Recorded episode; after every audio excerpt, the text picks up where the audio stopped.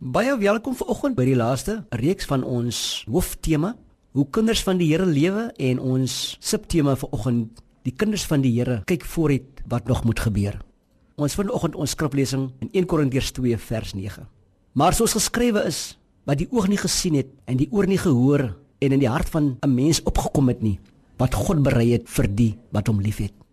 Toe Paulus die groot sendeling in die tronk in Rome opgesluit was, het die bewakers hom gedurig opgepas. Paulus was in die tronk opgesluit nie omdat hy enigiets verkeerd gedoen het nie, maar omdat hy die goeie nuus van Jesus vertel het. En terwyl hy in die tronk was, het hy self van die tronkbewakers vertel van Jesus. Paulus het briewe aan die verskillende gemeentes geskryf waarin hy dit duidelik uitgespel het hoe om vir Jesus te lewe en hoe om gelukkig in Jesus te wees. Paulus het nooit enigsins gekla nie. Hy het gesê en hier wil my verbeelding vanmôre my ingryp en ek gaan dit in my eie woorde omskryf. Paulus het gesê, moeilikhede maak nie saak nie. Hierdie swaar kry is eintlik maar vir 'n kort tydjie. Ek sien vooruit na die wonderlike dinge wat God my sal gee in die ewigheid as al my moeilikhede verby is. Reeds in hierdie lewe gee die Here my vrede en blydskap wat selfs my vyande nie van my kan wegneem nie. En as ek sterwe, gaan ek na Jesus toe. Niks sal vir my heerliker wees as om by Jesus te wees nie. Jesus het uit die dood opgestaan en hy sal my ook laat opstaan. Hy sal my 'n nuwe liggaam gee en ek sal met hom in al sy heerlikheid vir ewig lewe.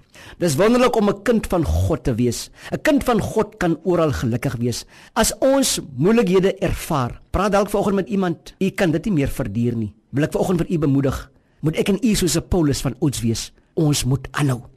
Ons het nou reeds die blydskap wat Jesus aan ons gee en daarbey dink ons vooruit wat nog moet kom. Ons dink aan die plek in die hemel wat Jesus besig is om reg te maak.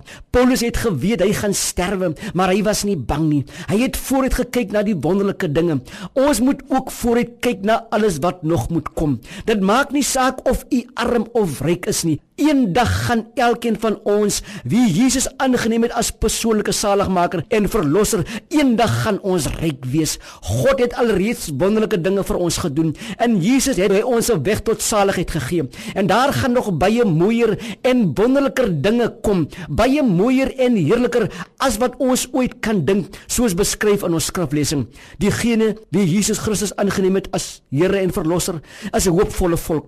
Ons sien uit met vreugdevolle verwagting uit na die salige hoop en die verskyning van die heerlikheid van die grootte God en ons verlosser Jesus Christus.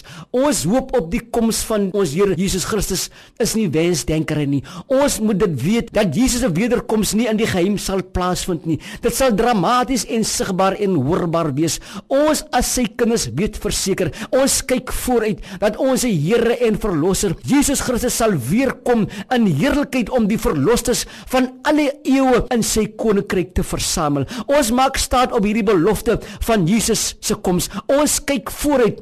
Ek sal weer kom. Mag die Here ons help om gedurig vooruit en met verwagting te kyk na wat nog moet gebeur. Kom ons verenig in gebed. Onse God en Hemelse Vader, help ons om met wysheid en versigtigheid deur hierdie dag te gaan. Laat ons met elke tree vandag ons oog hou op Jesus, sodat U lig ons mag lei. U teenwoordigheid ons mag beskerm en U liefde ons mag versterk en besiel. Ek vra dit in Jesus naam. Amen.